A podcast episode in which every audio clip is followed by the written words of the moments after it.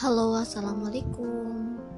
Buat kalian yang dengerin podcast aku hari ini, uh, hari ini gue mau cerita tentang temen kerja aku yang udah duluan pergi ke sana ya. Dia non Muslim, agamanya Buddha. Uh, walaupun aku Muslim ya, dia non Muslim, tapi kami tuh deket banget. Dan beliau sangat memotivasi banget kami selaku rekan kerjanya ya orangnya supel ramah penyemangat memotivasi juga kan sering ngasih nasihat. Eh, nggak uh, nyangka banget beliau bakal ninggalin kami secepat ini. Kadang kalau kita pikir-pikir ya dunia itu begitu singkat. Ada yang mungkin sekarang lagi nunggu jodohnya atau mungkin sekarang yang akan menikah ada yang sudah menikah ada yang lagi hamil dan telah melahirkan punya bu buah hati. Ada juga yang uh, udah sukses di dunia pekerjaannya. Ada yang masih berjuang. Ya dan ada juga yang telah dipanggil ke rahmatullah. Lagi sekarang kan lagi covid jadi banyak banget orang-orang yang meninggalkan kita.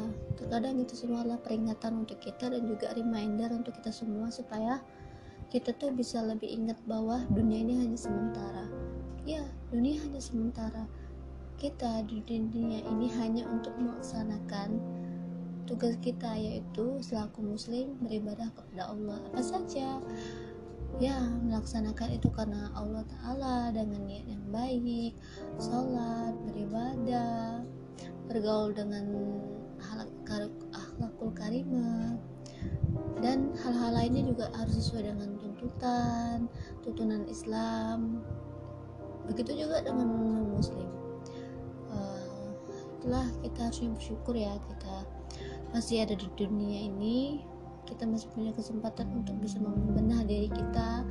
Yang mungkin kita ada kesalahan sama orang lain. Ada kalanya kita harus meminta maaf kepadanya gak usah minder minta maaf aja. Minta maaf. Pasti hati kita akan rasanya tuh lapang gitu kan terus itu tuh nggak bakal tahu kapan kita akan dipanggil ke sana. Kita nggak bakal tahu kapan di mana saat apa dengan siapa kita akan kembali ke sana. Jadi kita harus siap-siap. Ya siap-siap untuk kembali ke sana. Uh, gue harap sih semua yang dengar ini bisa mengambil hikmahnya untuk menjadi insan yang lebih baik insan yang lebih bermanfaat insan yang bisa uh, menjadi panutan untuk orang-orang yang mengenal kalian ya.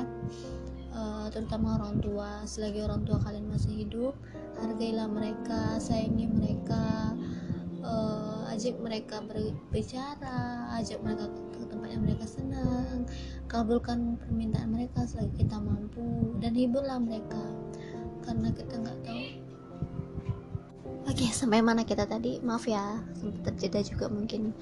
Uh, jadi gini, buat kalian yang masih punya orang tua, ayo dong uh, kasih waktu buat kalian untuk mereka gue, gue nih gue nih walaupun orang tua gue udah cerai tapi gue masih berusaha untuk tetap ramah sama mereka tetap ada luangin waktu buat mereka karena gue kalau gimana ya yang namanya orang tua ya mereka yang udah ngurus kita sejak kita kecil melahirin kita ngurus kita dari kecil bahkan nyekolahin kita mereka panas-panasan kerja bebanting tulang untuk kita sekolah biar kita bisa lebih baik dari dari dia kan. Rasanya kayak ya ampun kita tuh nggak bisa balas apa pun yang mereka udah kasih ke kita kan. Jadi kadang masih ngerasa kayak gini aja nih gue yang udah kerja mati-matian ya. Masih aja kadang ya Allah gue belum bisa ngasih apa-apa buat mereka kan. Terkadang gue doa kayak gini ya Allah panjangkan umur dia sehatkanlah dia buatlah hatinya tenang.